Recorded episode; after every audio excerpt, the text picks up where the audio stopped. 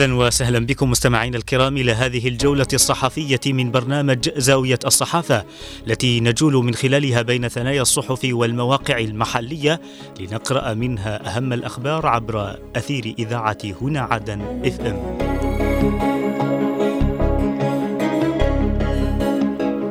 البداية من موقع المجلس الانتقالي ومنه نقرأ الرئيس الزبيدي سنقف إلى جانب رئيس الحكومة لإحداث تغييرات حقيقية البحسني يطلع على نشاط الجمعية الوطنية وخططها للعام الجاري.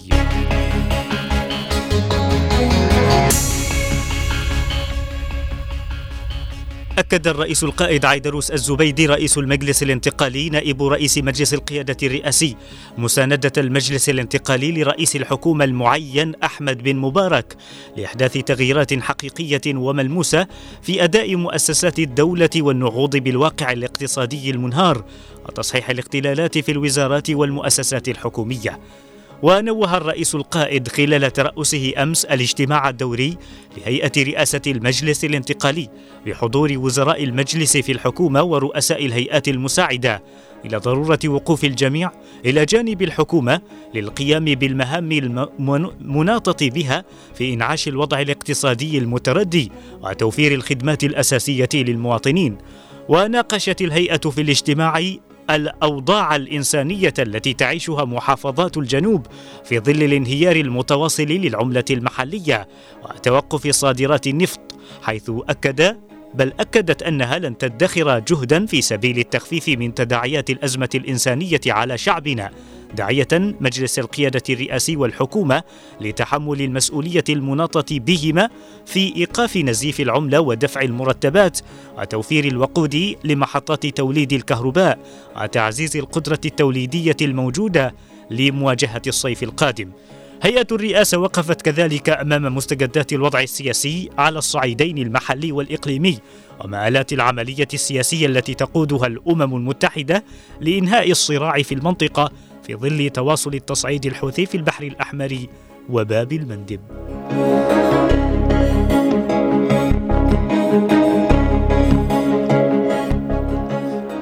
اطلع نائب رئيس المجلس الانتقالي الجنوبي عضو مجلس القيادة الرئاسي اللواء ركن فرج البحسني على سير نشاط الجمعية الوطنية وخططها الجديدة للعام الجاري وذلك بهدف الارتقاء بالعمل التشريعي في المجلس.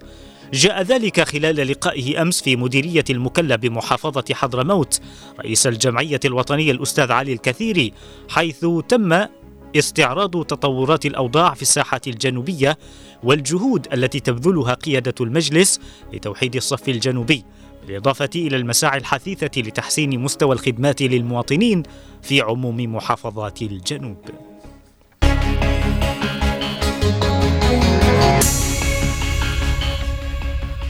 أكد رئيس تنفيذية انتقال محافظة لحج وضح الحالمي على أهمية إقامة بعض الأنشطة بعض الأنشطة التدريبية لتعليم الحرف للاستفادة منها في مواجهة أعباء الحياة.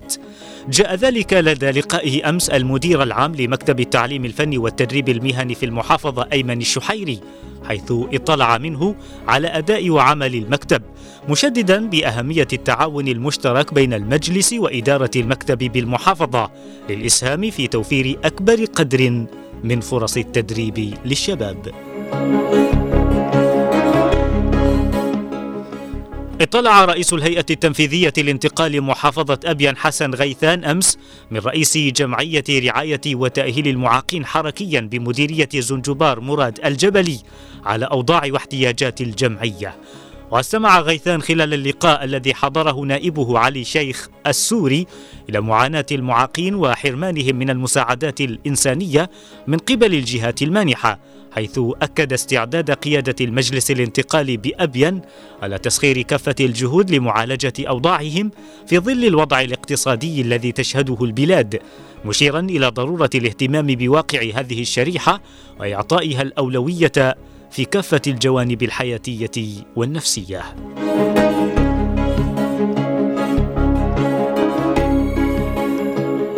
وإلى موقع درع الجنوب مستمعينا ومنه نقرأ القائد العام لقوات دفاع شبوة يتفقد الخطوط الأمامية للقوات الجنوبية المشتركة في مديريات بيحان.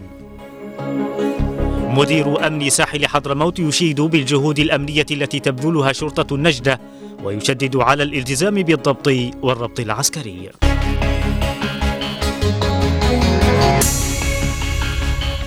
أشاد القائد العام لقوات دفاع شبوة العميد ركن صالح الكليبي بالروح المعنوية الكبيرة التي يتمتع بها أبطال القوات الجنوبية في التصدي للميليشيات الحوثية التي تحاول التسلل إلى مديريات بيحان ومحافظة شبوة.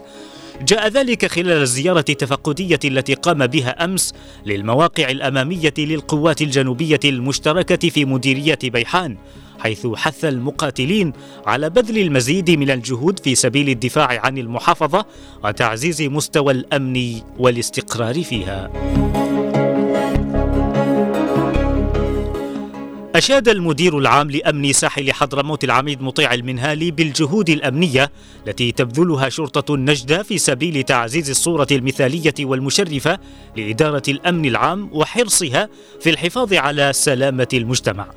جاء ذلك خلال لقائه أمس بالمكلى قائد قوات النجدة العقيد لبيد الحميري ونائبه المقدم علي باني وضباط قوات النجدة حيث أكد على أهمية الأدوار الأمنية والإنسانية التي تنفذها هذه القوات لترسيخ الأمن وتوفير الحماية والسلامة للمواطنين مشددا بضرورة تكثيف الجهود لمكافحة الجريمة والحد من وقوعها.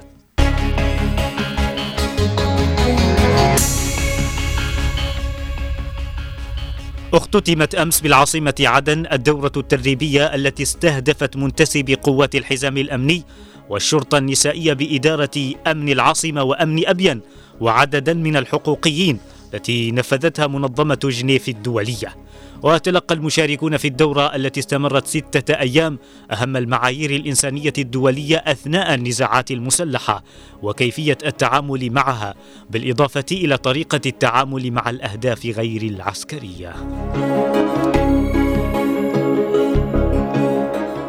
أكد نائب رئيس المجلس الانتقالي عضو مجلس القيادة الرئاسي اللواء ركن فرج البحسني على أهمية أن يتكاتف جميع الجنوبيون حول رأي سديد ودعم القيادة السياسية الحاملة لقضية الشعب مشددا بضرورة توسعة الحوارات مع مختلف شرائح المجتمع المدني في الجنوب لتوحيد صوت الشعب نحو الهدف المنشود.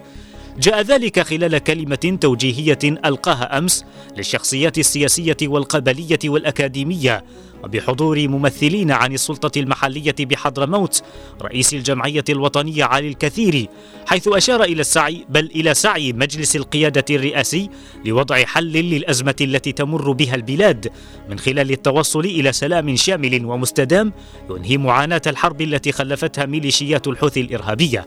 لافتا إلى أن القرصنة الحوثية في البحر الأحمر وباب المندب تؤكد أن الميليشيا المدعومة من إيران لا تؤمن إلا بالإرهاب وليس لديها أي نوايا أو مبادرات للسلام في المنطقة. استمرارا لخصخصة المساجد وتحويلها إلى ثكنات ومقرات للتعبئة المتطرفة. أغلقت جماعة الحوثي الإرهابية أكثر من 200 مسجد ومصلى خاص بالنساء في مناطق سيطرتها منذ مطلع العام 2017 وحتى نهاية 2023 مصادر مطلعة قالت إن الميليشيات المدعومة من إيران أغلقت خلال الأعوام السبعة الماضية 141 مصلى ومسجدا خاصا بالنساء في المحافظات اليمنية الخاضعة لسيطرتها مشيرة بأنها قامت بتنصيب خطباء وأئمة يتبعون النهج الحوثي بهدف التعبئة المتطرفة للفكر الشيعي.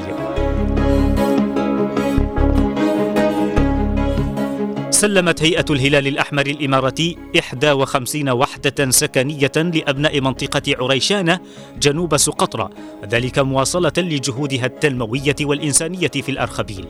ويهدف المشروع التنموي إلى مساعدة أهالي المنطقة الذين تعرضت منازلهم لبعض الأضرار جراء تداعيات إعصار تيج الذي ضرب المحافظة مؤخراً.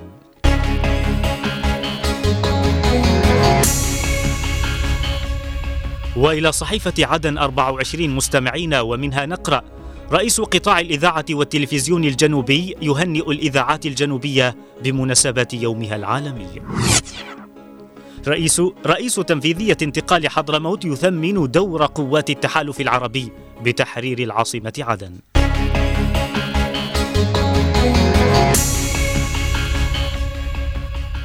أشاد رئيس قطاع الإذاعة والتلفزيون الجنوبي الأستاذ عبد العزيز الشيخ بالجهود الكبيرة التي يبذلها الطاقم الجنوبي في إذاعات هنا عدن ونور عدن ودان إف إم وذلك بمناسبة اليوم العالمي للإذاعة الذي وافق أمس.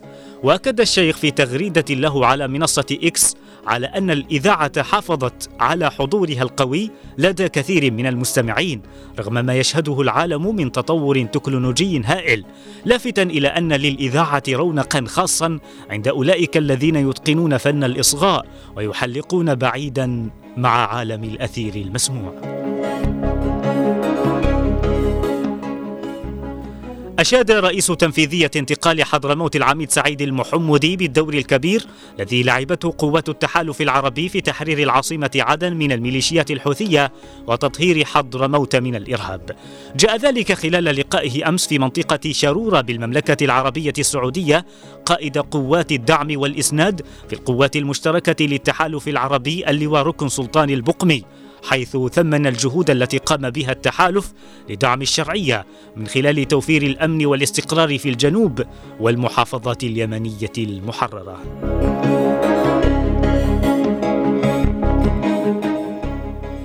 دشن مدير مكتب التربية والتعليم بمحافظة الضالع محسن الحقب توزيع السلة الغذائية المقدمة من قبل دولة الكويت للمعلمين والمعلمات في بعض مدارس مدير مديرية الضالع وفي التدشين الذي حضره عدد من مدراء عموم الضالع ثمن الحقب أو الحقب الجهود الكبيرة للأشقاء في دولة الكويت الشقيقة من خلال دعمهم المستمر للجنوب وتخفيف المعاناة عن المعلمين في ظل الغلاء الفاحش الذي تمر به البلاد.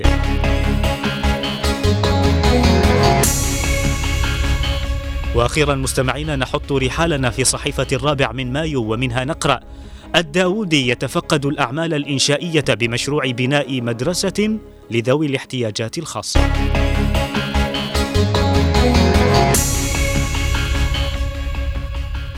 تفقد مدير عام المنصورة بالعاصمة عدن أحمد الداودي سير الأعمال الإنشائية في مشروع بناء مدرسة متكاملة لذوي الاحتياجات الخاصة وروضة للأطفال بحي كابوتا الممول من السلطة المحلية بالعاصمة والمديرية. وطاف الداوودي بمعية مدير مكتب الأشغال العامة بالمديرية رأفت كوكني ورئيس قسم المشاريع بالمكتب أمين المفلحي بمكونات المشروع في مرحلتيه الأولى والثانية مطلعا على سير الأعمال الجارية فيه والتي شرفت على الانتهاء.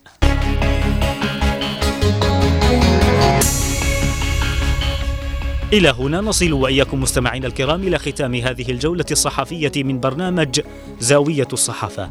أرق التحايا وأعطرها مني ومن زميلي من الإخراج نوار المدني وفي أمان الله.